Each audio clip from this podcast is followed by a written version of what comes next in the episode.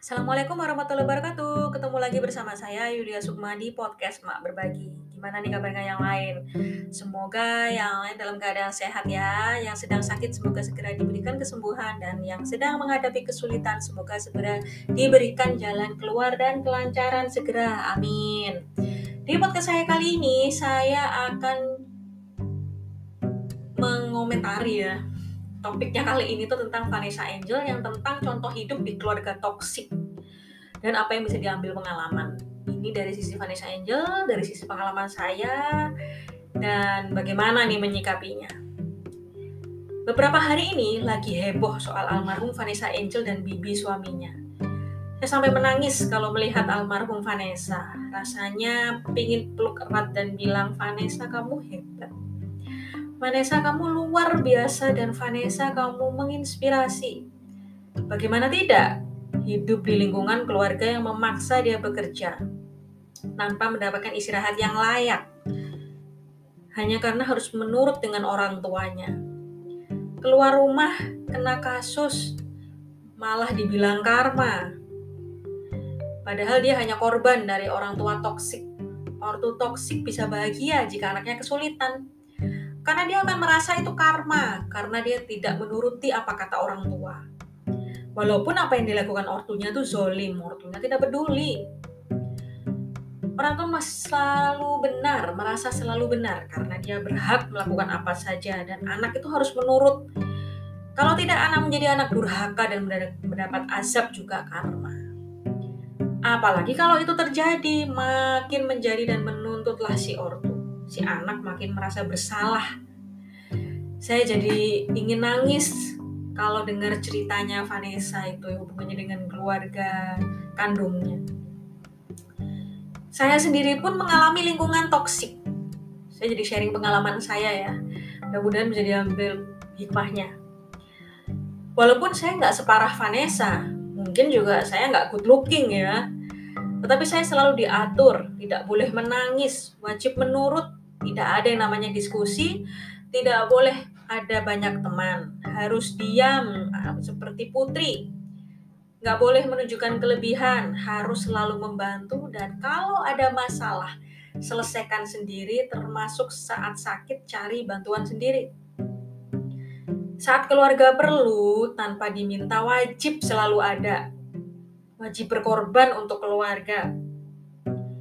Tidak perlu minta kata terima kasih dan maaf. Berhak untuk disakiti secara mental tanpa melawan. Kalau melawan akan dikatakan anak durhaka, tidak menurut dan akan diungkit-ungkit apa yang sudah diberikan. Maka dari itu saya ingin sekali memeluk Vanessa Angel. Saya ingin memeluknya dan mengatakan kamu hebat. Kamu bisa menjadi orang tua yang tangguh, anak yang tangguh, dan istri yang hebat. Kamu juga teman yang baik, pengalamanmu menjadikan pelajaran berharga dan manfaat bagi banyak sekitarmu.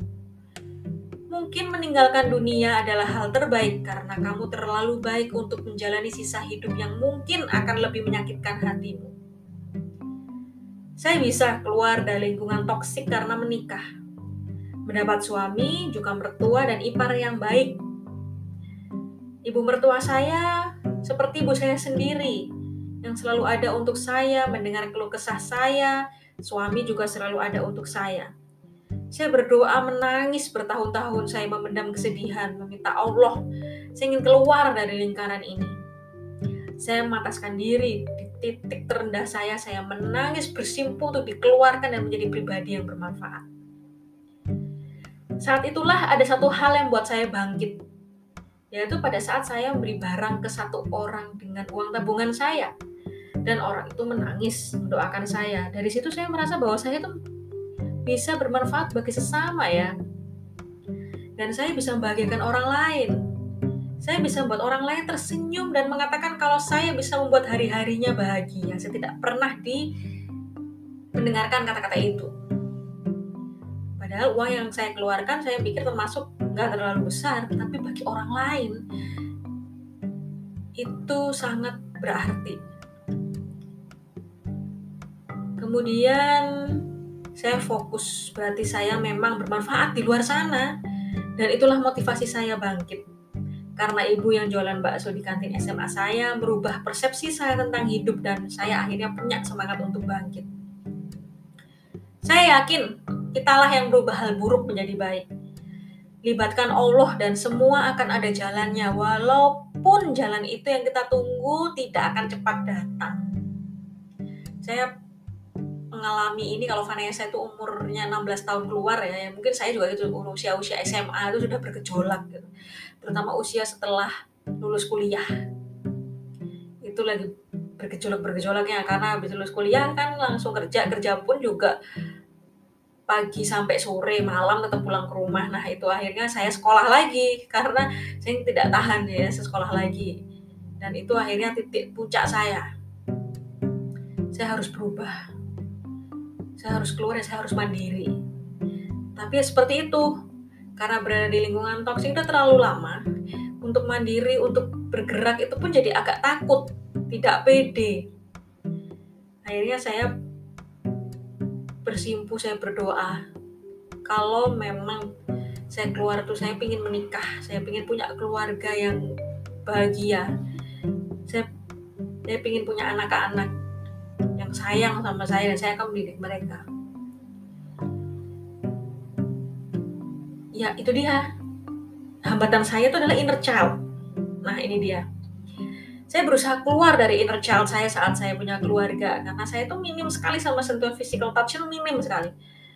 Masih ada bekasnya nih ya. Iya masih ada bekasnya. Tidak hangat cenderung tidak mau diskusi cenderung penurut cepat menangis tapi juga cepat marah tapi saya tetap fokus dengan anak dan keluarga, fokus dengan bagian keluarga kecil, tetap dekat dengan Allah dan bermanfaat bagi sesama. Saya juga ikut komunitas komunitas ibu profesional. Di sana saya berbagi saya berbagi apa yang saya bisa.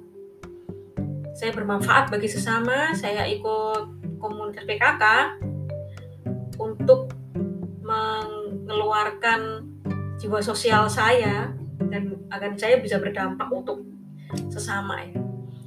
Jadi eh, bagaimana saya dengan keluarga saya gitu. Gimana nih sama keluarga?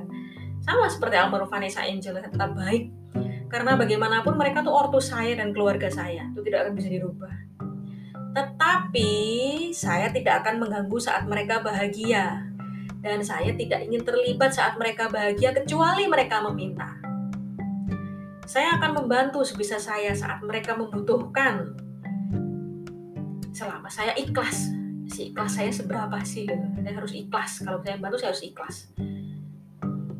dan saya akan selalu ada saat mereka terpuruk.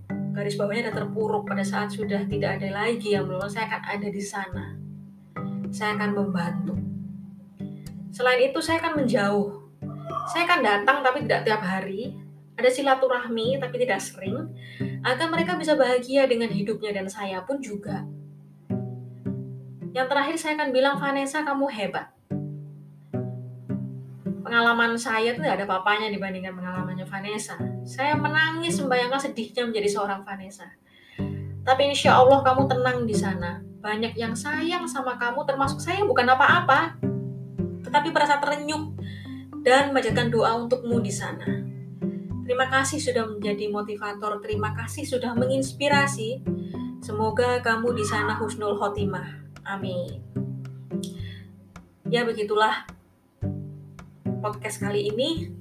Semoga bermanfaat, bisa diambil hikmahnya.